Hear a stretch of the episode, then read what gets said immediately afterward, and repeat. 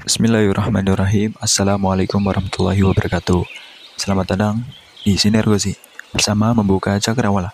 Pada kesempatan kali ini, Gozi akan membacakan terjemah Al-Musaf Asyarif Madinah Munawwarah part keempat atau surat keempat yaitu surat An-Nisa. Kuy, langsung saja. Jangan lupa ambil air wudhu dan siapin posisinya dengan baik. Oke, selamat mendengarkan. Mukadimah Surat An-Nisa yang terdiri dari 176 ayat itu adalah surat Madaniyah yang terpanjang sesudah surat Al-Baqarah. Dinamakan Anisa karena dalam surat ini banyak dibicarakan hal-hal yang berhubungan dengan wanita, serta merupakan surat yang paling banyak membicarakan hal itu dibanding dengan surat-surat yang lain. Surat yang lain yang banyak juga membicarakan tentang hal wanita ialah surat At-Tolak. Dalam hubungan ini biasa disebut surat Anisa dengan sebutan surat Anisa Al-Kubro atau surat Anisa yang besar. Sedang surat At-Tolak disebut dengan sebutan surat Anisa Asugro atau surat Anisa yang kecil. Pokok-pokok isi dari surat Anisa ialah pertama keimanan, di antaranya syirik, dosa yang paling besar, dan akibat kekafiran di hari kemudian. Dua, hukum-hukum. Di antaranya adalah kewajiban para washi dan para wali, hukum poligami, mas kawin, memakan harta anak yatim, dan orang-orang yang tidak dapat mengurus hartanya, Pokok-pokok hukum warisan, perbuatan-perbuatan keji dan hukumannya, wanita-wanita yang haram dikawini, hukum mengawini budak wanita, larangan memakan harta secara patwil, hukum syikok, nuyu, nu, syus, kesucian, kesucian lahir dan batin, dalam sembayang, hukum suaka, hukum membunuh seorang Islam, salat khauf, larangan melontarkan ucapan-ucapan buruk, masalah pusaka, kalalah. 3. Kisah-kisah di antaranya kisah-kisah tentang Nabi Musa alaihissalam dan pengikut-pengikutnya. empat Dan lain-lain di antaranya. Asal manusia adalah satu keharusan menjauhi adat-adat zaman jahiliyah dan perlakuan terhadap wanita. Dalam perlakuan terhadap wanita. Norma-norma bergaul dengan istri-istri. Hak seseorang sesuai dengan kewajibannya. Perlakuan ahli kitab terhadap kitab-kitab yang diturunkan kepadanya. Dasar-dasar pemerintahan cara mengadili perkara, keharusan siap siaga terhadap musuh, sikap-sikap orang munafik dalam menghadapi peperangan, berperang di jalan Allah adalah kewajiban tiap-tiap mukallaf, norma dan norma dan adab dalam peperangan, cara menghadapi orang-orang munafik, derajat orang yang berjihad. Surat An-Nisa artinya wanita. Surat yang keempat dan memiliki ayat 176. Dengan menyebut nama Allah yang Maha Pemurah lagi Maha Penyayang. Subjudul Judul Hukum Keluarga Subjudul Kewajiban para wasi terhadap asuhannya dan kewajiban para wali terhadap orang yang di bawah perwaliannya. Ayat pertama Hai sekalian manusia bertakwalah kepada Tuhanmu yang telah menciptakan kamu dari diri yang satu dan daripadanya. Allah menciptakan istrinya dan daripada keduanya. Allah memperkembangbiakan laki-laki dan perempuan yang banyak dan bertakwalah kepada Allah yang dengan mempergunakan namanya kamu saling meminta satu sama lain dan peliharalah hubungan silaturahmi. Sesungguhnya Allah selalu menjaga dan mengawasi kamu. 2. Dan berikanlah kepada anak-anak yatim yang sudah balik harta mereka. Jangan kamu menukar yang baik dengan yang buruk, dan jangan kamu makan harta mereka dengan mereka bersa bersama hartamu. Sesungguhnya tindakan-tindakan menukar dan memakan itu ialah dosa besar. 3. Dan jika kamu takut tidak akan dapat berlaku adil terhadap hak-hak perempuan yatim bila mana kamu mengawininya, maka kawinlah wanita-wanita lain yang kamu senangi, dua, tiga, atau empat. Kemudian jika kamu takut tidak akan dapat berlaku adil, maka kawinlah seorang saja atau budak-budak yang kamu miliki. Yang demikian itu adalah lebih dekat kepada tidak berbuat aniaya. Empat, berikanlah mas kawin mahar kepada wanita yang kamu nikahi sebagai pemberian dengan penuh kerelaan.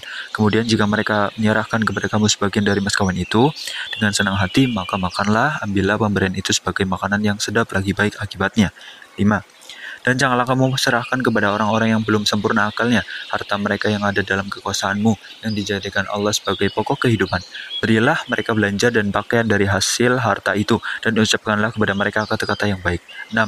Dan ujilah anak yatim itu sampai mereka cukup umur untuk kawin.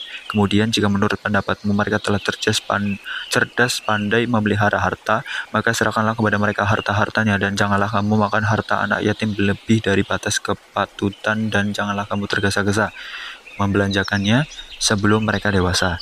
Barang siapa di antara pemelihara itu mampu, maka hendaklah ia menahan diri dari memakan harta anak yatim itu, dan barang siapa miskin, maka bolehlah ia makan harta itu menurut yang patut.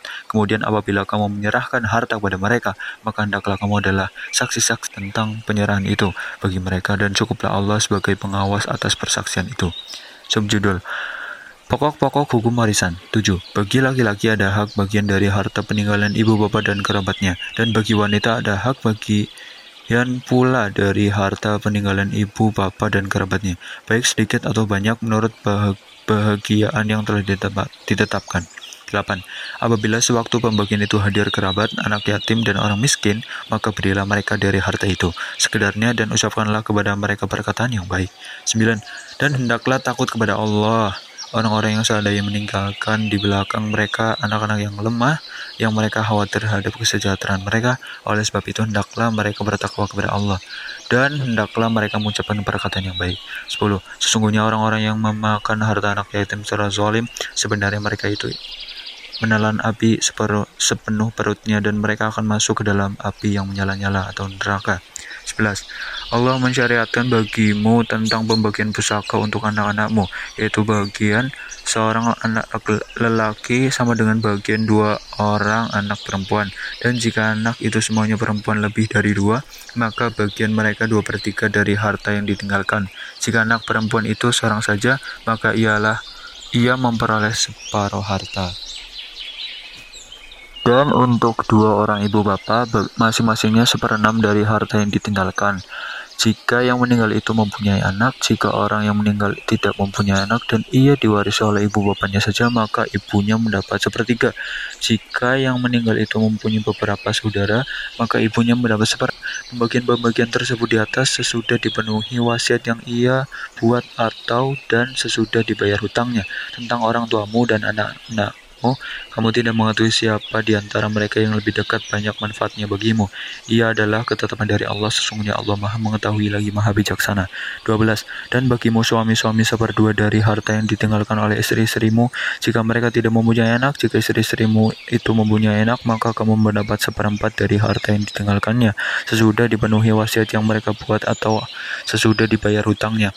Para istri memperoleh seperempat harta yang kamu tinggalkan jika kamu tidak mempunyai anak. Jika kamu mempunyai anak, maka para istri memperoleh seperdelapan dari harta yang kamu tinggalkan sesudah dipenuhi wasiat yang kamu buat atau dan sesudah dibayar hutang-hutangmu. Jika seseorang mati, baik laki-laki maupun perempuan yang tidak meninggalkan ayah dan tidak meninggalkan anak, tetapi mempunyai seorang saudara laki-laki seibu saja atau seorang saudara perempuan seibu saja, maka bagi maka bagi masing-masing dari kedua jenis saudara itu seperenam harta tetapi jika saudara-saudara seibu itu lebih dari seorang, maka mereka bersekutu dalam yang sepertiga itu sesudah dipenuhi wasiat yang dibuat olehnya atau sesudah dibayar hutangnya dengan tidak memberi mudarat kepada ahli waris. Allah menetapkan yang demikian itu sebagai syariat yang benar-benar dari Allah dan Allah mengetahui lagi maha penyantun. 13. Hukum-hukum tersebut itu adalah ketentuan-ketentuan dari Allah barang siapa taat kepada Allah dan Rasulnya niscaya Allah akan memasukkannya ke dalam surga yang mengalir di dalamnya sungai-sungai, sedang mereka kekal di dalamnya dan itulah kemenangan yang besar. 14. Dan barang siapa yang mendurhakai Allah dan Rasulnya, yang melanggar ketentuan-ketentuannya, niscaya Allah akan niscaya Allah memasukkannya ke dalam api neraka, sedang ia kekal di dalamnya, dan baginya siksa yang menghinakan. Subjudul Dasar-dasar untuk menetapkan perbuatan-perbuatan keji dan hukumnya. 15. Dan terhadap para wanita yang mengerjakan perbuatan keji, hendaklah ada empat orang saksi di antara kamu yang menyaksikannya. Kemudian apabila mereka telah memberi persaksian, maka kurunglah mereka wanita-wanita itu dalam rumah sampai mereka menemui ajalnya, atau sampai Allah memberi jalan yang lain kepadanya. 16. Dan terhadap dua orang yang melakukan perbuatan keji di antara kamu, maka berilah hukuman kepada keduanya. Kemudian jika keduanya bertaubat dan memperbaiki diri, maka biarkanlah mereka. Sesungguhnya Allah maha penerima taubat lagi maha penyayang. 17. Sesungguhnya taubat di sisi Allah hanyalah taubat bagi orang-orang yang mengerjakan kejahatan lantaran kejahilan yang kemudian mereka itulah yang diterima Allah taubatnya dan Allah Maha mengetahui lagi Maha bijaksana. 18. Dan tidaklah taubat itu diterima Allah dari orang-orang yang mengerjakan kejahatan yang hingga apabila datang ajal kepada seseorang di antara mereka barulah ia mengatakan sesungguhnya yang bertaubat sekarang dan tidak pula diterima taubat orang-orang yang mati sedang mereka di dalam kekafiran. Bagi orang-orang itu telah kami sediakan siksa yang pedih. Subjudul cara bergaul dengan istri Hai orang-orang yang beriman, tidak halal bagi kamu mem mempusakai wanita dengan jalan paksa, dan janganlah kamu menyusahkan mereka karena hendak mengambil kembali sebagian dari apa yang telah kamu berikan kepadanya, terkecuali bila mereka melakukan pekerjaan yang pekerjaan kecil yang nyata dan berulah dengan mereka secara patut. Kemudian bila kamu tidak menyukai mereka, maka bersabarlah karena mungkin kamu tidak menyukai sesuatu, padahal Allah menjadikan padanya kebaikan yang banyak. 20. Dan jika kamu ingin mengganti istrimu dengan istri yang lain, sedang kamu telah memberikan kepada seseorang di antara mereka harta yang banyak, maka janganlah kamu mengambil kembali dari padanya barang sedikit pun. Apakah kamu akan mengambilnya kembali dengan jalan tuduhan yang dusta dan dengan menanggung dosa yang nyata. 21. Bagaimana kamu akan mengambilnya kembali padahal sebagian kamu telah bergaul bersampul dengan bercampur dengan yang lain sebagai suami istri dan mereka istri-istrimu telah mengambil dari kamu perjanjian yang kuat. Subjudul Beberapa hukum perkawinan 22 ayat 22 dan janganlah kamu kawini wanita-wanita yang telah dikawini oleh ayahmu terkecuali pada masa yang telah lampau sesungguhnya perbuatan itu amat keji dan dibenci Allah dan seburuk-buruk jalan yang ditempuh 23 diharamkan atas kamu mengawini ibu-ibumu anak-anakmu yang perempuanmu saudara-saudara yang perempuan saudara-saudara bapakmu yang perempuan, saudara-saudara ibumu yang perempuan, anak-anak perempuan dari saudara-saudaramu yang laki-laki, anak-anak perempuan dari saudara-saudaramu yang perempuan, ibu-ibumu yang menyusui kamu, saudara perempuan sepersusuan ibu-ibu istrimu, mertua, anak-anak istrimu yang dalam pemeliharaanmu dan istri yang telah kamu campuri. Tetapi jika kamu belum campur dengan istrimu itu dan sudah kamu ceraikan, maka tidak berdosa kamu mengawininya dan diharamkan bagimu istri-istri anak kandungmu, menantu dan menghimpunkan dalam dalam perkawinan dua perempuan yang bersaudara, kecuali yang telah terjadi pada masa lampau, sesungguhnya Allah Maha Pengampun lagi Maha Penyayang. 24. Dan diharamkan juga kamu mengawini wanita yang bersuami, kecuali budak-budak yang kamu miliki. Allah telah menetapkan hukum itu sebagai ketetapannya di atas kamu ketetapannya atas kamu dan dihalalkan bagi kamu selain yang demikian yaitu mencari istri-istri dengan hartamu untuk dikawini bukan untuk berzina. Maka istri-istri yang telah kamu nikmati campuri. Di antara mereka berikanlah kepada mereka maharnya dengan sempurna sebagai suatu kewajiban dan dia adalah mengapa bagi kamu terhadap sesuatu yang kamu telah saling merelakannya. Sesudah menentukan mahar itu sesungguhnya Allah Maha mengetahui lagi Maha bijaksana. 25 dan barang siapa di antara kamu orang merdeka yang tidak cukup berbelanja belanjaannya untuk mengawini wanita mereka lagi beriman, ia boleh mengawini wanita yang beriman dari budak-budak yang kamu miliki. Allah mengetahui keimananmu, sebagian kamu adalah orang sebagian kamu adalah dari sebagian yang lain. Karena itu kawinilah mereka dengan seizin tuan mereka dan berilah mas kawin mereka menurut yang patut, sedang mereka pun wanita-wanita yang memelihara diri bukan pesina dan bukan pula wanita yang mengambil laki-laki lain sebagai piaraannya. Dan apabila mereka telah menjaga diri dengan kawin, kemudian mereka mengerjakan perbuatan keji zina, maka atas mereka separuh hukuman dari hukuman wanita-wanita mereka yang bersuami. Kebolehan mengawini budak itu adalah bagi orang-orang yang takut kepada kesulitan menjaga diri dari perbuatan zina di antaramu, dan kesabaran itu lebih baik bagimu dan Allah Maha Pengampun lagi Maha Penyayang. 26. Allah hendak menerangkan menerangkan hukum syariatnya kepadamu dan menunjukimu kepada jalan-jalan orang yang sebelum kamu para nabi dan salihin dan hendak menerima taubatmu. Allah Maha mengetahui lagi Maha bijaksana. 27. Dan Allah hendak menerima taubatmu sedang orang-orang yang mengikuti hawa nafsunya bermaksud supaya kamu berpaling sejauh-jauhnya dari kebenaran. 28. Allah hendak memberikan keringanan kepadamu dan manusia dijadikan bersifat lemah. Subjudul Islam melindungi hak milik laki-laki dan perempuan. 29. Hai orang-orang yang beriman, janganlah kamu saling memakan harta sesamamu dengan jalan yang batil, kecuali dengan jalan perniagaan yang berlaku dengan suka sama suka di antara kamu dan janganlah kamu membunuh dirimu sesungguhnya Allah adalah Maha Penyayang kepadamu. 30. Dan barang siapa berbuat demikian dengan melanggar hak dan aniaya maka kami kelak akan memasukkannya ke dalam neraka. Yang demikian itu adalah mudah bagi Allah. 31. Jika kamu menjauhi dosa-dosa besar di antara dosa-dosa yang dilarang, kamu mengerjakannya ini saya kami hapus kesalahan-kesalahanmu dosa-dosa kecil dan kami masukkan kamu ke tempat yang mulia surga. 32. Dan janganlah kamu iri hati terhadap apa yang dikatakan dikaruniakan dikaruniakan Allah kepada sebagian kamu lebih banyak dari sebagian yang lain. Karena bagi orang-orang bagi orang laki-laki ada bagian dari apa daripada apa yang mereka usahakan. Dan bagi para wanita pun ada bagian dari apa yang mereka usahakan. Dan mohonlah kepada Allah sebagai sebagian dari karunia-Nya sesungguhnya Allah Maha mengetahui segala sesuatu. 33 bagi tiap-tiap harta peninggalan dari harta yang ditinggalkan ibu bapak dan garib kerabat kami jadikan pewarisnya. Dan jika ada orang-orang yang kamu telah bersumpah setia dengan mereka, maka berilah kepada mereka bahagiannya. Sesungguhnya Allah menyaksikan segala sesuatu. Beberapa peraturan hidup bersama istri 34.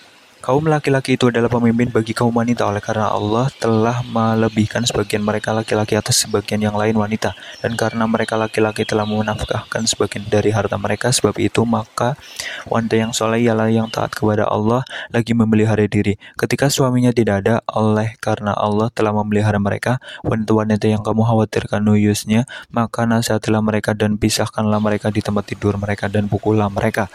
Kemudian jika mereka menatimu maka janganlah kamu mencari cari jalan untuk menyusahkannya. Sesungguhnya Allah Maha Tinggi lagi Maha Besar. 32. Dan jika kamu khawatir ada persengketaan antara keduanya, maka kirimlah seorang hakam dari keluarga laki-laki dan seorang hakam dari keluarga perempuan. Jika kedua orang hakam itu bermaksud mengadakan perbaikan, niscaya Allah memberi taufik kepada suami istri itu. Sesungguhnya Allah Maha mengetahui lagi Maha mengenal.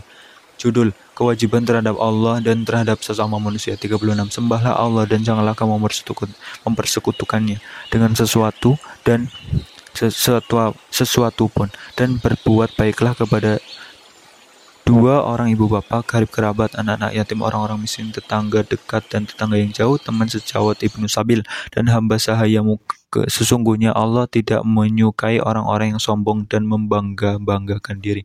37. Yaitu orang-orang yang kikir dan menyuruh orang, orang lain berbuat kikir dan menyembunyikan karunia Allah yang telah diberikannya kepada mereka. Dan kami telah menyediakan orang-orang kafir siksa yang menghinakan. 38 dan juga orang-orang yang menafkahkan harta-harta mereka karena ria kepada manusia dan orang-orang yang tidak beriman kepada Allah dan kepada hari kemudian. Barang siapa yang mengambil syaitan itu menjadi temannya maka syaitan itu adalah teman yang seburuk-buruknya. 39 apakah kemudaratnya bagi mereka kalau mereka beriman kepada Allah dan hari kemudian dan menafkahkan sebagian rezeki yang telah diberikan Allah kepada mereka? Dan adalah Allah mau mengetahui keadaan mereka. 40 sesungguhnya Allah tidak menganiaya seseorang pun walaupun sebesar zarah dan jika ada kebajikan sebesar zarah niscaya Allah akan melibat gandakannya dan memberikan dari sisinya pahala yang besar. 41 maka bagaimanakah halnya orang kafir nanti apabila kami mendatangkan seseorang saksi rasul dari tiap-tiap umat dan kami mendatangkan kamu Muhammad? Sebagai saksi atas mereka itu sebagai umatmu 42 Di hari itu orang-orang kafir dan orang-orang yang mendurhakai Rasul ingin supaya mereka disamaratakan dengan tanah dan mereka tidak dapat menyembunyikannya dari Allah sesuatu kejadian pun.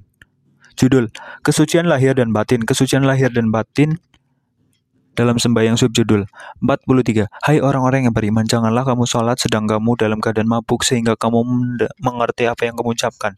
Jangan pula hampiri masjid sedang kamu dalam keadaan junub terkecuali sekedar berlalu saja hingga kamu mandi dan jika kamu sakit atau sedang dalam musafir atau kembali dari tempat buang air atau kamu telah menyentuh perempuan kemudian kamu tidak mendapat air maka bertayamumlah kamu dengan tanah yang baik suci sapulah kamu dan jangan dan tanganmu. Sesungguhnya Allah Maha Pemaaf lagi Maha Pengampun. Subjudul orang-orang yang tidak suci batinnya dan ancaman Allah terhadap mereka. 44. Apakah kamu tidak melihat orang-orang yang telah diberi bagian dari Alkitab Taurat? Mereka membeli memilih ke kesesatan dengan petunjuk dan mereka bermaksud supaya kamu tersesat menyimpang dari jalan yang benar. 45. Dan Allah lebih mengetahui daripada kamu tentang musuh-musuhmu dan cukuplah Allah menjadi pelindung bagimu dan cukuplah Allah menjadi penolong bagimu. 46. Yaitu orang-orang Yahudi. Mereka merubah perkataan dari tempat-tempatnya. Mereka berkata, kami mendengar tetapi kami tidak menurutinya. Dan mereka mengatakan pula, dengarlah sedang kamu sebenarnya tidak mendengar apa-apa. Dan mereka mengatakan, Ra'ina, dengan memutar-mutar lidahnya dan mencela agama. Sekiranya mereka mengatakan kami mendengar dan patuh, dan dengarlah dan perhatikanlah kami. Tentulah itu lebih baik bagi mereka dan lebih tepat akan tetapi Allah mengutuk mereka karena kekafiran mereka. Mereka tidak beriman kecuali iman yang sangat tipis. 47. Hai orang-orang yang telah diberi Alkitab, berimanlah kamu kepada apa yang telah kami turunkan Al-Quran, yang membenarkan kitab yang ada pada kamu sebelum kami merubah mukamu, lalu kami putarkan ke belakang, atau kami kutuk mereka sebagaimana kami telah mengutuk orang-orang yang berbuat maksiat pada hari Sabtu, dan ketetapan Allah masih berlaku. 48. Sesungguhnya Allah tidak akan mengampuni dosa syirik dan mengampuni segala dosa yang selain dari syirik itu.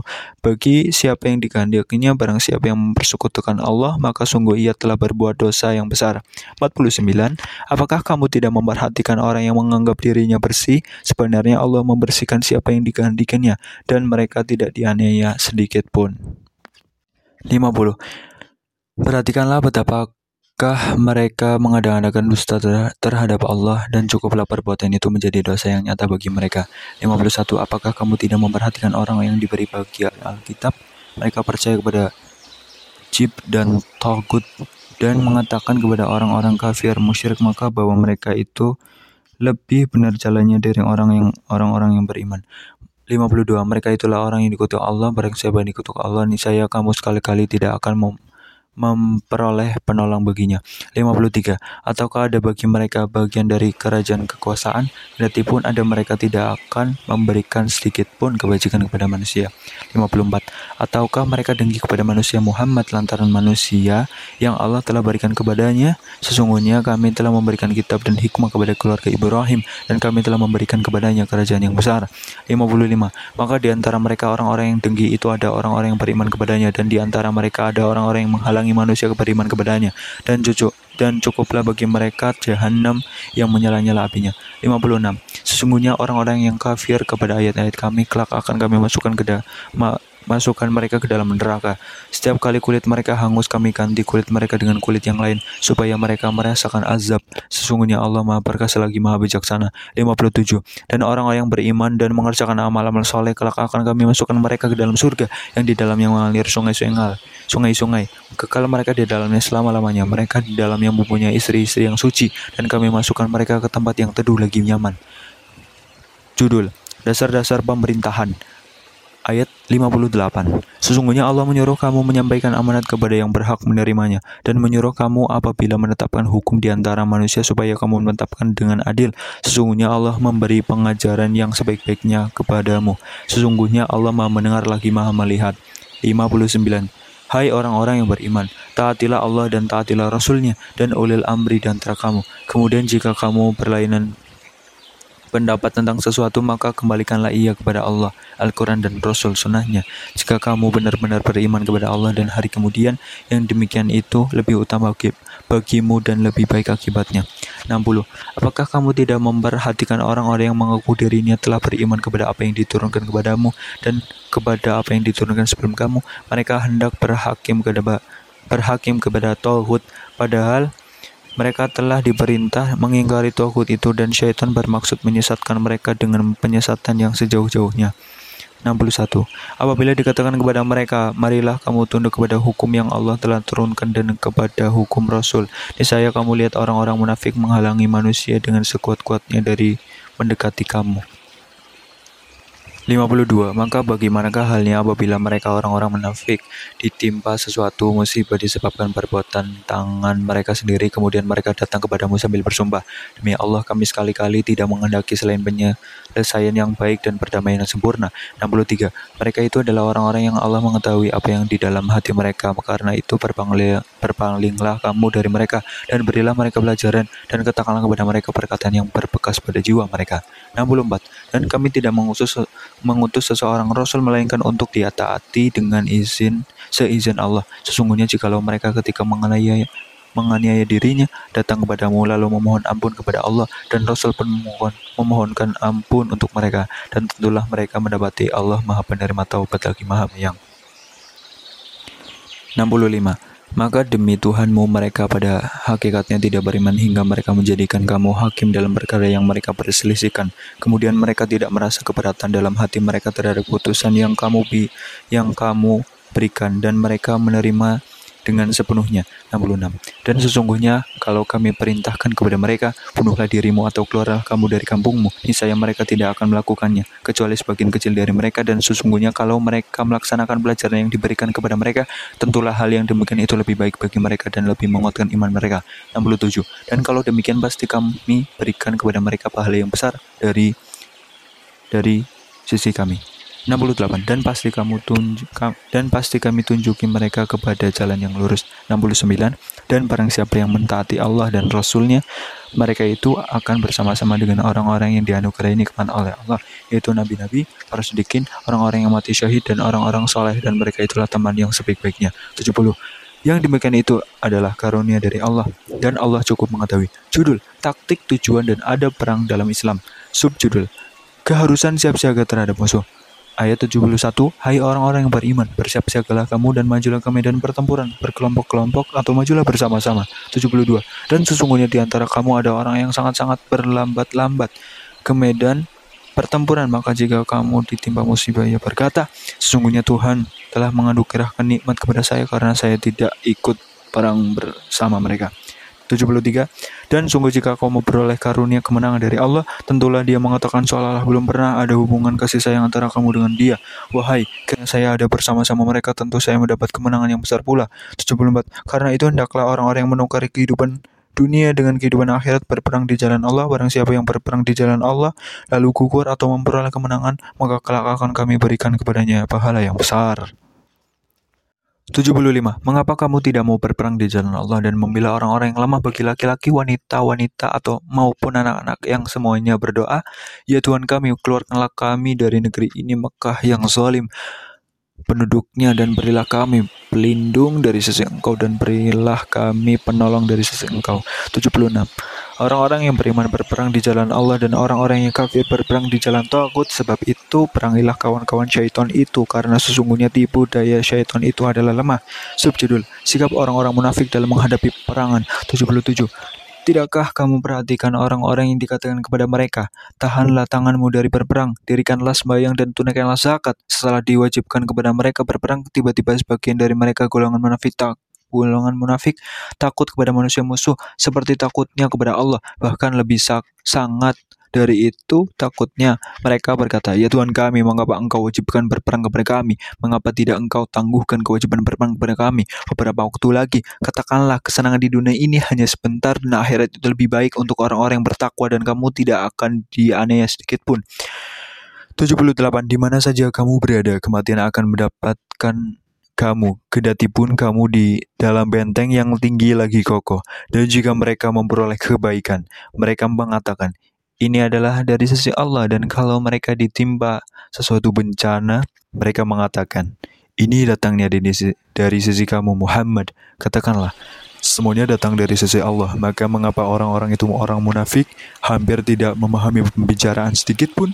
79. Apa saja nikmat yang kamu peroleh adalah dari Allah dan apa saja bencana yang menimpamu maka dari uh, dari kesalahan dirimu sendiri. Maka kami mengutusmu menjadi rasul kepada segenap manusia dan cukuplah Allah menjadi saksi. 80. Barang siapa yang menetaati Rasul itu sesungguhnya ia telah mentaati Allah dan barang siapa yang berpaling dari ketaatan itu maka kami tidak mengutusmu untuk menjadi pemelihara bagi mereka.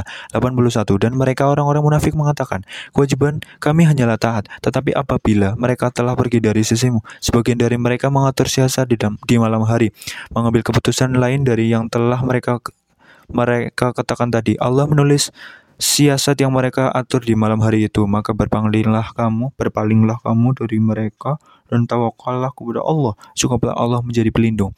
52. 82. Maka apakah mereka tidak memperhatikan Al-Quran? Kalau kiranya Al-Quran itu bukan dari sisi Allah, tentulah mereka mendapat pertentangan yang banyak di dalamnya. 83.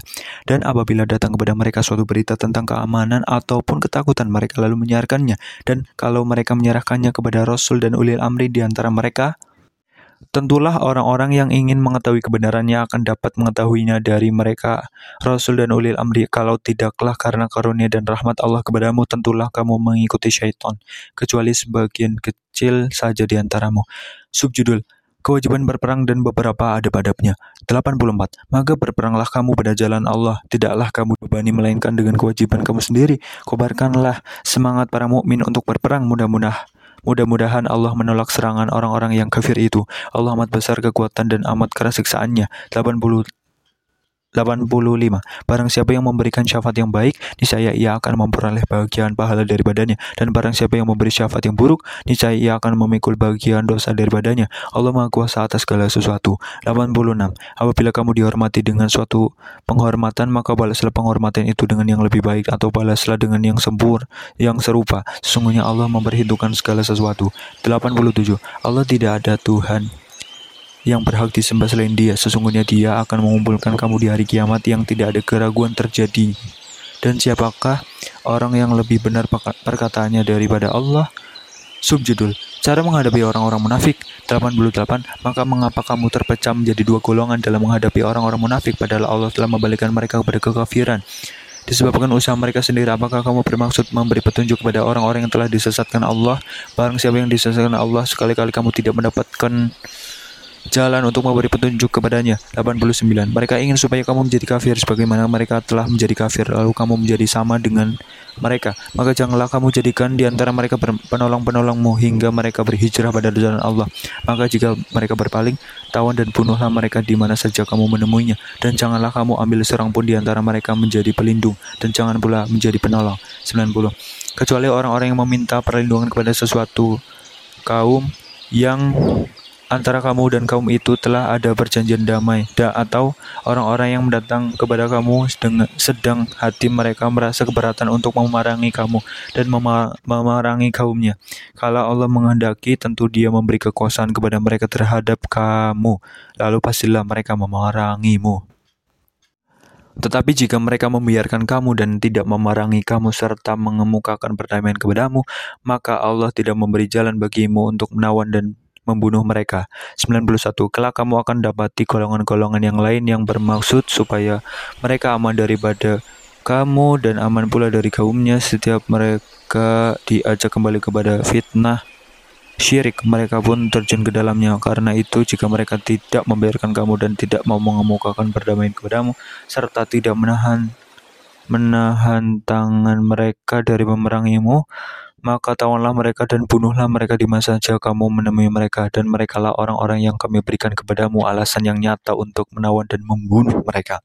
Subjudul Hukum membunuh seorang muslim 92 dan tidak layak bagi seorang mukmin membunuh seorang mukmin yang lain kecuali karena tersalah tidak sengaja dan barang siapa membunuh seorang mukmin karena tersalah hendaklah ia memerdekakan seorang hamba sahaya yang beriman serta membayar membayar diat yang diserahkan kepada keluarganya si terbunuh itu kecuali jika mereka keluarga terbunuh bersedekah jika ia si terbunuh dari kaum yang memusuhimu padahal ia mukmin maka hendaklah si pembunuh memerdekakan hamba saya yang mukmin. Dan jika ia tertu, si terbunuh dari kaum kafir yang ada perjanjian damai antara mereka dengan kamu maka hendaklah si pembunuh membayar diat yang diserahkan kepada keluarganya si terbunuh serta memerdekakan hamba saya yang mukmin.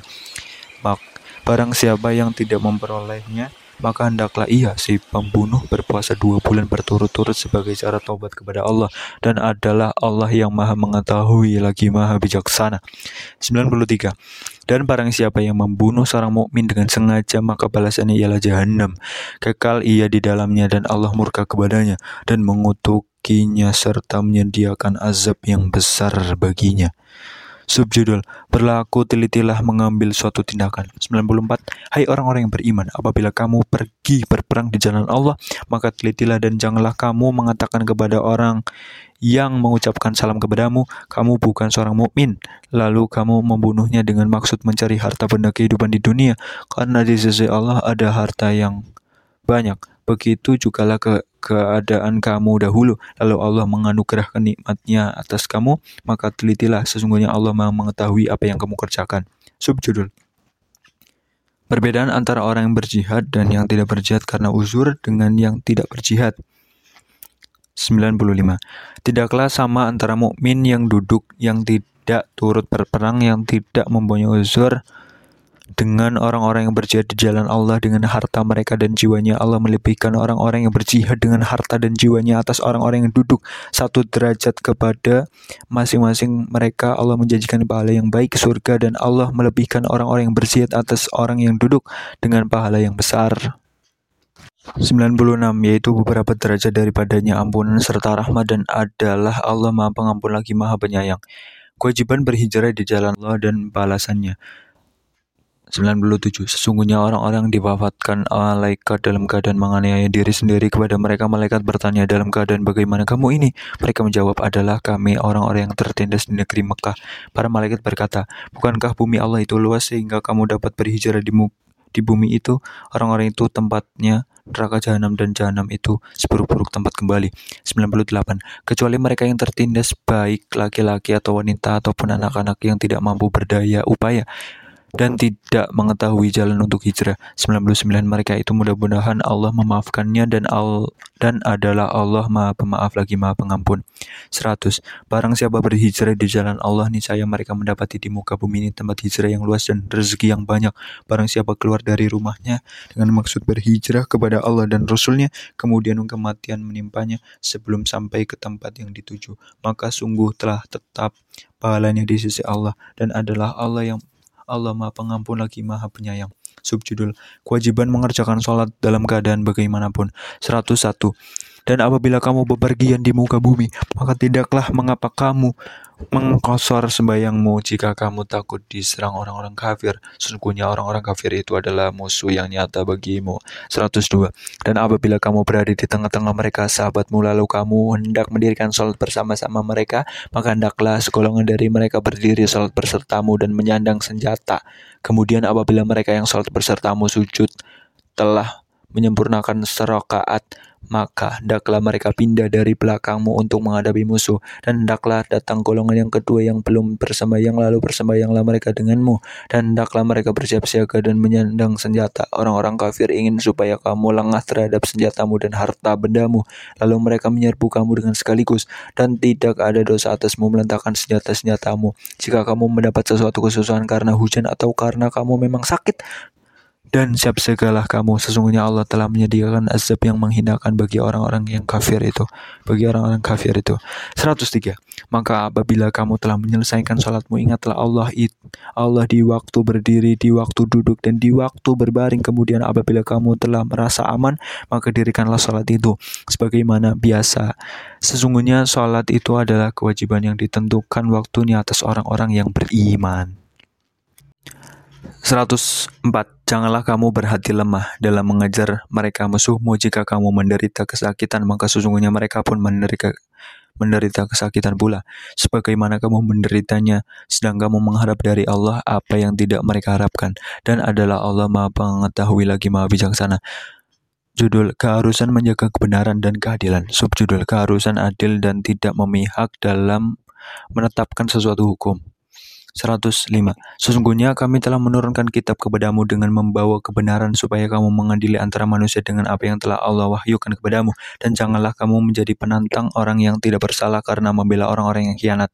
106. Dan mohonlah ampun kepada Allah. Sesungguhnya Allah maha pengampun lagi maha penyayang. 107. Dan janganlah kamu berdebat untuk membela orang-orang yang mengkhianati dirinya. Sesungguhnya Allah tidak menyukai orang-orang yang selalu berkhianat lagi bergelimang dosa. 108. Mereka bersembunyi dari manusia tetapi mereka tidak bersembunyi dari Allah. Allah berserta mereka ketika pada suatu malam mereka menetapkan keputusan rahasia yang Allah tidak ridhoi dan adalah Allah meliputi ilmunya terhadap apa yang mereka kerjakan. 109. Beginilah kamu, kamu sekalian adalah orang-orang yang berdebat untuk membela mereka dalam kehidupan dunia ini. Maka siapakah yang akan mendebat Allah untuk membela mereka pada hari kiamat? Atau siapakah yang jadi pelindung mereka terhadap siksa Allah? 110. Dan barang siapa yang mengerjakan kejahatan dan menganiaya dirinya, kemudian ia mohon ampun kepada Allah, niscaya ia mendapati Allah maha pengampun lagi maha penyayang. 111. Barang siapa yang mengerjakan dosa, maka sesungguhnya ia mengerjakannya untuk kemudaratan dirinya sendiri. Dan Allah maha mengetahui lagi maha bijaksana. 112. Dan barang siapa yang mengerjakan mengerjakan kesalahan atau dosa, kemudian dituduhkannya kepada orang yang tidak bersalah, maka sesungguhnya ia telah berbuat suatu kebohongan dan dosa yang nyata. 113. Sekiranya bukan karena karunia Allah dan rahmatnya kepadamu. Tentulah segolongan dari mereka berkeinginan keras untuk menyesatkanmu, tetapi mereka tidak menyesatkan melainkan dirinya sendiri, dan mereka tidak dapat membahayakanmu sedikit pun kepadamu. Dan juga karena Allah telah menurunkan kitab dan hikmah kepadamu, dan telah mengajarkan kepadamu apa yang belum kamu ketahui, dan dialah karunia Allah sangat besar atasmu. 114 tidak ada kebaikan pada kebanyakan bisikan-bisikan mereka, kecuali bisikan-bisikan dari orang yang menyuruh manusia memberi sedekah atau berbuat ma'ruf atau mengadakan perdamaian di antara manusia. Dan barang siapa yang berbuat demikian karena mencari kerendahan, keridoan Allah, maka kalau kami memberi kepadanya bala yang besar. 115 dan barang siapa yang menentang Rasul sudah jelas kebenaran baginya dan mengikuti jalan yang bukan jalan orang-orang mukmin kami biarkan ia leluasa terhadap kesesatan yang telah dikuasainya dan kami masukkan ia ke dalam jahanam dan jahanam itu seburuk-buruk tempat kembali. Subjudul Kejelekan syirik dan pengaruh syaitan 116 Sesungguhnya Allah tidak mengampuni dosa mempersekutukan sesuatu dengan sesuatu dengan dia dan dia mengampuni dosa yang selain dari syirik itu. Bagi siapa yang dikehendakinya barang siapa yang mempersekutukan sesuatu dengan Allah maka sesungguhnya ia telah tersesat sejauh-jauhnya. 117 yang mereka sembah selain Allah itu tidak lain hanyalah berhala dan dengan menyembah berhala itu mereka tidak lain hanyalah menyembah syaitan yang durhaka. 118 yang dilaknati Allah dan syaitan itu mengatakan saya benar-benar akan mengambil dari hamba-hamba engkau bagian yang sudah ditentukan untuk saya 119 dan aku benar-benar akan menyesatkan mereka dan akan membangkitkan angan-angan kosong pada mereka dan akan menyuruh mereka memotong memotong telinga-telinga binatang ternak lalu mereka benar-benar memotongnya dan akan aku suruh mereka merubah ciptaan Allah. Lalu benar-benar mereka merubahnya. Barang siapa yang menjadikan syaitan men menjadi pelindung selain Allah maka sesungguhnya ia menderita kerugian yang nyata. 120 syaitan itu memberikan janji-janji kepada mereka dan membangkitkan angan-angan kosong pada mereka. Padahal syaitan itu tidak menjanjikan mereka selain dari tipuan belaka. 121 mereka itu tempatnya jahanam dan mereka tidak memperoleh tempat dari daripadanya tempat lari daripadanya. 122. Orang-orang yang beriman dan mengerjakan amalan soleh, kelak akan kami masukkan ke dalam surga yang mengalir sungai-sungai di dalamnya. Mereka kekal di dalamnya selama-lamanya. Allah telah membuat suatu janji yang benar. Dan siapakah yang lebih benar perkataannya daripada Allah? Subjudul Pembalasan itu sesuai dengan perbuatan bukan menurut angan-angan. 123. Pahala dari Allah itu bukanlah menurut angan-anganmu yang kosong dan tidak pula menurut angan-angan ahli kitab. Barang siapa yang mengerjakan kejahatan, niscaya akan diberi pembalasan dengan kejahatan itu dan ia tidak mendapat dan ia tidak mendapat pelindung dan tidak pula penolong baginya selain dari Allah. 124. Barang siapa yang mengerjakan amal-amal soleh, baik laki-laki maupun wanita, dan ia orang yang beriman, maka mereka itu masuk ke dalam surga dan mereka tidak dianiaya walau sedikit pun. 125. Dan siapakah yang lebih baik agamanya daripada orang yang ikhlas menyerahkan dirinya kepada Allah, sedang dia pun mengerjakan kebaikan dan ia mengikuti agama Ibrahim yang lurus dan Allah mengambil Ibrahim menjadi kesayangannya. 126. Kepunyaan Allah lah apa yang ada di langit dan apa yang ada di bumi dan Allah penget dan adalah pengetahuan Allah meliput Allah Maha meliputi segala sesuatu. Subjudul keharusan memberikan hak-hak orang yang lemah dan cara menyelesaikan kesulitan rumah tangga. 127 dan mereka minta fatwa kepadamu tentang para wanita. Katakanlah Allah memberi fatwa kepadamu tentang mereka. Dan apa yang dibacakannya kepadamu dalam Al-Qur'an juga memfatwakan tentang para wanita yatim yang kamu tidak memberikan kepada mereka apa yang ditetapkan untuk mereka sedang kamu ingin mengawini mereka dan tentang anak-anak yang masih dipandang lemah. Dan Allah menyuruh kamu supaya kamu mengurus anak-anak yatim secara adil dan kebajikan apa saja yang kamu kerjakan. Maka sesungguhnya Allah adalah maha mengetahuinya. 128 dan jika seseorang wanita khawatir akan nuyus nusyus atau sikap tidak acuh dari suaminya maka tidak mengapa bagi keduanya mengadakan perdamaian yang sebenar-benarnya. Dan perdamaian itu lebih baik bagi mereka walaupun manusia itu menurut tabiatnya kikir. Dan jika kamu bergaul dengan istrimu secara baik dan memelihara dirimu dari nusyus dan sikap tak acuh maka sesungguhnya Allah adalah maha mengetahui apa yang kamu kerjakan. 129. Dan kamu sekali-kali tidak akan dapat berlaku adil di antara istri-istrimu, walaupun kamu sangat ingin berbuat demikian, karena itu janganlah kamu terlalu cenderung kepada yang kamu cintai, sehingga kamu biarkan yang lain terkatung-katung dan jika kamu mengadakan perbaikan dan memelihara diri dari kecurangan maka sesungguhnya Allah Maha Pengampun lagi Maha Penyayang 130 jika keduanya bercerai maka Allah akan memberikan kecukupan ke, kecukupan kepada masing-masing dari limpahan karunia-Nya. Dan adalah Allah Maha luas karunia-Nya lagi Maha bijaksana. Subjudul keharusan bertakwa 131 dan kepunyaan Allah lah yang apa yang apa yang di langit dan dan yang di bumi. Dan sungguh kami telah memerintahkan kepada orang-orang yang ber, yang diberi kitab sebelum kamu dan juga kepada kamu kepada kamu bertakwalah kepada Allah. Tetapi jika kamu kafir maka ketahuilah sesungguhnya apa yang di langit dan apa yang ada di bumi hanyalah kepunyaan Allah dan Allah Maha kaya lagi maha terpuja. Sesungguhnya apa yang di langit dan apa yang di bumi hanyalah kepunyaan Allah. Dan Allah maha kaya lagi maha terpuji. 132. Dan kepunyaan Allah lah apa yang di langit dan apa yang di bumi. Cukuplah Allah sebagai pemelihara. 133. Jika Allah menghendaki saya dia musnahkan kamu wahai manusia. Dan dia datangkan umat yang lain sebagai penggantimu. Dan adalah Allah maha kuasa berbuat demikian. 134. Dan barang, barang siapa Barang siapa yang menghendaki 134. Barang siapa yang menghendaki pahala di dunia saja maka ia merugi karena di sisi Allah ada pahala dunia dan akhirat dan Allah Maha mendengar lagi Maha melihat. Subjudul keharusan aku adil. 135. Wahai orang-orang yang beriman, jadilah kamu orang yang benar-benar penegak keadilan menjadi saksi karena Allah biarpun terhadap dirimu sendiri atau ibu bapak, dan kaum kerabatmu. Jika ia kaya ataupun miskin, maka Allah lebih tahu kemaslahatannya. Maka jagalah kamu mengikuti.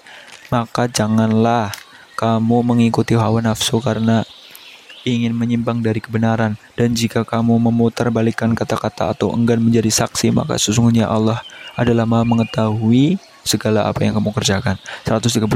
Wahai orang-orang yang beriman, tetaplah beriman kepada Allah dan Rasulnya dan kepada kitab kitab yang Allah turunkan kepada Rasulnya, serta kitab yang Allah turunkan sebelumnya. Barang siapa yang kafir kepada Allah, malaikat-malaikat yang kitab-kitabnya, Rasul-Rasulnya, dan hari kemudian, maka sesungguhnya orang itu telah sesat sejauh-jauhnya. Subjudul Beberapa keburukan orang munafik 100 ayat 137 Sesungguhnya orang-orang yang beriman kemudian kafir Kemudian beriman pula kemudian kafir lagi Kemudian bertambah kekafirannya Maka sekali-kali Allah tidak akan memberi ampunan kepada mereka dan tidak pula menunjuki mereka kepada jalan yang lurus. 138. Kabarkanlah kepada orang-orang munafik bahwa mereka akan mendapat siksaan yang pedih. Siksaan yang pedih. 139 yaitu orang-orang yang mengambil orang-orang kafir menjadi teman-teman penolong dengan meninggalkan orang-orang mukmin. Apakah mereka mencari kekuatan di sisi orang kafir itu? Maka sesungguhnya semua kekuatan punya Allah 140 dan sungguh Allah telah menurunkan kepada kamu di dalam Al-Qur'an bahwa apabila kamu mendengar ayat-ayat Allah diingkari dan diperolok-olokkan oleh kaum oleh orang-orang kafir, maka janganlah kamu duduk beserta mereka sehingga mereka memasuki pembicaraan yang lain. Karena sesungguhnya kalau kamu berbuat demikian tentulah kamu serupa dengan mereka. Sesungguhnya Allah akan mengumpulkan semua orang-orang munafik dan orang-orang kafir di dalam jahanam 141 yaitu orang-orang yang menunggu-nunggu peristiwa yang akan terjadi pada pada dirimu. Hai orang-orang mukmin maka jika terjadi bagimu kemenangan dari Allah, mereka berkata, Bukankah kami turut berperang beserta kamu? Dan jika orang-orang kafir mendapat keberuntungan kemenangan, mereka berkata, Bukankah kami turut ke memenangkanmu dan membela kamu dari orang-orang mukmin? Maka Allah akan memberi keputusan di antara kamu di hari kiamat dan Allah sekali-kali tidak akan memberi jalan kepada orang-orang kafir untuk memusnahkan orang-orang yang beriman. 142. Sesungguhnya orang-orang munafik itu menipu Allah dan Allah akan membalas tipuan mereka. Dan apabila mereka berdiri untuk sholat, mereka berdiri dengan malas. Mereka bermaksud ria dengan sholat di hadapan manusia dan tidaklah mereka menyebut Allah kecuali sedikit sekali. 143. Mereka dalam keadaan ragu-ragu antara yang demikian iman atau kafir, tidak masuk ke dalam kepada tidak masuk kepada golongan ini. Orang-orang beriman dan tidak pula kepada golongan itu orang-orang kafir. Barang siapa yang disesatkan, disesatkan Allah maka kamu sekali-kali tidak akan mendapat jalan untuk memberi petunjuk baginya. 144 Hai orang-orang yang beriman, janganlah kamu mengambil orang-orang kafir menjadi wali dengan meninggalkan orang-orang mukmin. Inginkah kamu mengadakan alasan yang nyata bagi Allah untuk menyiksamu? 145 Sesungguhnya orang-orang munafik itu ditempatkan pada tingkatan yang paling bawah dari neraka dan kamu sekali-kali tidak akan mendapat seseorang penolong pun bagi mereka 146 Kecuali orang-orang yang taubat mengadakan perbaikan dan berpegang teguh pada agama Allah dan tulus ikhlas mengerjakan agama mereka karena Allah maka mereka itu adalah bersama-sama orang yang beriman dan Kelak Allah akan memberikan kepada orang-orang yang beriman pahala yang besar. 147. Mengapa Allah akan menyiksamu jika kamu bersyukur dan beriman?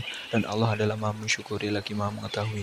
Sub Subjudul Larangan melontarkan ucapan-ucapan buruk kepada seseorang. 148 Allah tidak menyukai ucapan buruk yang diucapkan dengan terus terang kecuali oleh orang yang dianiaya.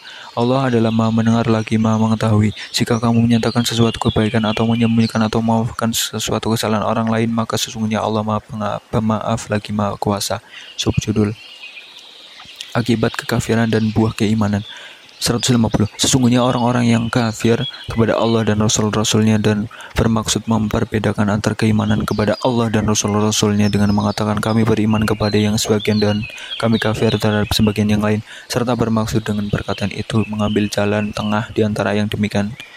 Iman atau kafir? 151 Mereka lah orang-orang yang kafir. Sebenar-benarnya kami telah menyediakan untuk orang-orang yang kafir itu siksaan yang menghinakan 152 Orang-orang yang beriman kepada Allah dan para rasulnya dan tidak membedakan seorang pun di antara mereka kelak Allah akan memberikan kepada mereka pahala pahalanya dan adalah Allah Maha Pengampun lagi Maha Penyayang. Judul Kesatuan Agama Allah. Subjudul Pembalasan Allah terhadap pelanggaran-pelanggaran orang-orang Yahudi. Ayat 153. Ahli kitab meminta kepadamu agar kamu menurunkan kepada mereka sebuah kitab dari langit. Maka sesungguhnya mereka telah meminta kepada Musa yang lebih besar dari itu. Mereka berkata, Perlihatkanlah Allah kepada kami dengan nyata. Maka mereka disambar petir karena kezalimannya dan mereka menyembah anak sapi. Sesudah datang kepada mereka bukti-bukti yang nyata. Lalu kami memaafkan mereka dari yang demikian. Dan telah kami berikan kepada Musa keterangan yang nyata. 154 Dan telah kami angkat ke atas kepala mereka Bukit Tursina untuk menerima perjanjian yang telah kami ambil dari mereka. Dan kami perintahkan kepada mereka, masukilah pintu gerbang itu sambil bersujud dan kami perintahkan pula kepada mereka, janganlah kamu melanggar peraturan mengenai hari Sabtu dan kami telah mengambil dari mereka perjanjian yang kokoh. 155 maka kami lakukan terhadap mereka beberapa tindakan, disebabkan mereka melanggar perjanjian itu dan karena kekafiran mereka terhadap keterangan-keterangan Allah dan mereka membunuh nabi-nabi tanpa alasan yang benar dan mengatakan hati kami tertutup. Bahkan sebenarnya Allah telah mengunci mati hati mereka karena kekafirannya. Karena itu mereka tidak bermain kecuali sebagian kecil dari mereka. 156 dan karena kekafiran mereka terhadap Isa dan tuduhan mereka terhadap Maryam dengan kedustaan besar zina 157 Dan karena ucapan mereka sesungguhnya kami telah membunuh Al-Masih Isa putra Maryam Rasul Allah padahal mereka tidak membunuhnya dan tidak pula menyalibnya tetapi yang mereka bunuh ialah orang yang diserupakan dengan Isa bagi mereka sesungguhnya orang-orang yang berselisih paham tentang pembunuhan Isa benar-benar dalam keraguan-raguan tentang yang dibunuh itu. Mereka tidak mempunyai keyakinan tentang siapa yang dibunuh itu, kecuali mengikuti persangkaan belaka. Mereka tidak pula yakin bahwa yang mereka bunuh itu adalah Isa. 158. Tetapi yang sebenarnya Allah telah mengangkat Isa kepadanya dan adalah Allah Maha Perkasa lagi Maha Bijaksana. 159. Tidak ada seorang pun dari ahli kitab kecuali akan beriman kepada Isa sebelum kematiannya dan di hari kiamat nanti Isa itu akan menjadi saksi terhadap mereka. 160. Maka disebabkan kezaliman orang-orang Yahudi kami haramkan atas mereka memakan makanan yang baik-baik yang dahulunya dihalalkan bagi mereka. Dan karena mereka banyak menghalangi manusia dari jalan Allah 161 dan disebabkan mereka memakan riba padahal sesungguhnya mereka telah dilarang dari badannya. Dan karena mereka memakan harta orang dengan jalan yang batil kami telah menyediakan untuk orang-orang kafir. Di antara mereka itu siksa yang pedih 162. Tetapi orang-orang yang mendalam ilmunya di antara mereka dan orang-orang mukmin mereka beriman kepada apa yang telah diturunkan kepadamu Al-Qur'an dan apa yang telah diturunkan sebelummu dan orang-orang yang mendirikan salat, menunaikan zakat dan yang beriman kepada Allah dan hari kemudian orang-orang itulah yang akan kami berikan kepada mereka pahala yang besar. Sub judul Persamaan pokok-pokok agama yang diwahyukan kepada para rasul 163 Sesungguhnya kami telah memberikan wahyu kepadamu. Sebagian sebagaimana kami telah memberikan wahyu kepada Nuh dan nabi-nabi yang kemudiannya dan kami telah memberikan wahyu pula kepada Ibrahim, Ismail, Ishak, Yakub dan anak cucunya Isa, Ayub, Yunus, Harun dan Sulaiman. Dan kami berikan sabar kepada Daud. 164 Dan kami telah mengutus rasul-rasul yang sungguh telah kami kisahkan tentang mereka kepadamu dahulu dan rasul-rasul yang tidak kami kisahkan tentang mereka kepadamu. Dan Allah telah berbicara kepada Musa dengan langsung. 165. Mereka kami utus selaku rasul-rasul pembawa berita gembira dan memberi peringatan agar supaya tidak ada alasan bagi manusia membantah Allah sesudah diutusnya rasul-rasul itu dan ada Allah Maha Perkasa lagi Maha Bijaksana. 166. Mereka tidak mau mengakui yang diturunkan kepadamu itu, tapi Allah mengakui Al-Quran yang diturunkannya kepadamu. Allah menurunkannya dengan ilmunya dan malaikat-malaikat pun menjadi saksi pula. Cukuplah Allah yang mengakuinya. 167. Sesungguhnya orang-orang yang kafir dan menghalang-halangi manusia dari jalan Allah benar-benar telah sesat sejauh-jauhnya. 168. Sesungguhnya orang-orang yang kafir dan melakukan kezaliman Allah sekali-kali tidak akan mengampuni dosa mereka dan tidak pula akan menunjukkan jalan kepada mereka. 169. Kecuali jalan ke neraka jahanam, mereka kekal di dalamnya selama-lamanya dan yang demikian itu adalah mudah bagi Allah. 170. Wahai manusia, sesungguhnya telah datang Rasul Muhammad itu kepadamu dengan membawa kebenaran dari Tuhanmu. Maka berimanlah kamu, itulah yang lebih baik bagimu. Dan jika kamu kafir, maka kekafiran itu tidak merugikan Allah sedikit pun karena sesungguhnya apa yang ada di langit dan yang di bumi dan di bumi itu adalah kepunyaan Allah dan adalah Allah mengapa lagi dan adalah Allah Maha Mengetahui lagi Maha Bijaksana. Pandangan Al-Quran terhadap Nabi Isa alaihissalam 171 Wahai ahli kitab, janganlah kamu melampaui batas dalam agamamu dan janganlah kamu mengatakan terhadap Allah kecuali yang benar. Sesungguhnya Al-Masih Isa putra Maryam itu adalah utusan Allah dan yang diciptakannya dengan kalimatnya, yang disampaikannya dengan disampaikannya kepada Maryam dan dengan tiupan roh darinya, maka berimanlah kamu kepada Allah dan Rasul-Rasulnya. Dan janganlah kamu mengatakan Tuhan itu tiga, berhentilah dari ucapan itu. Itu lebih baik bagimu. Sesungguhnya Allah Tuhan yang Maha Esa, Maha Suci Allah dari mempunyai anak segala yang ada di langit, yang di langit dan di bumi adalah kepunyaannya. Cukuplah Allah sebagai pemelihara. 172. Al-Masih bersekali Al-Masih sekali-kali tidak enggan menjadi hamba bagi Allah dan tidak pula enggan malaikat-malaikat yang terdekat kepada Allah. Barang siapa yang enggan dari menyembahnya dan menyombongkan diri, nanti Allah akan mengumpulkan mereka semua kepadanya. 173. Adapun orang-orang yang beriman dan berbuat amal saleh, maka Allah akan menyempurnakan pahala mereka dan menambah untuk mereka sebagian dari karunia-Nya. Adapun orang-orang yang enggan dan menyombongkan diri, maka Allah akan menyiksa mereka dengan siksaan yang pedih, dan mereka tidak akan memperoleh bagi diri mereka pelindung dan penolong selain daripada Allah. 174. Hai manusia, sesungguhnya telah datang kepadamu bukti kebenaran dari Tuhanmu, Muhammad dengan mujizatnya, dan telah kami turunkan kepadamu car cahaya yang terang benderang Al-Quran 175. Adapun orang-orang yang beriman kepada Allah dan berpegang teguh kepada agamanya saya Allah akan memasukkan mereka ke dalam rahmat yang besar darinya, surga dan limpahan karunia-Nya dan menunjuki mereka kepada jalan yang lurus untuk sampai kepadanya. Subjudul Masalah pusaka kalalah 176. Mereka meminta fatwa kepadamu tentang kalalah.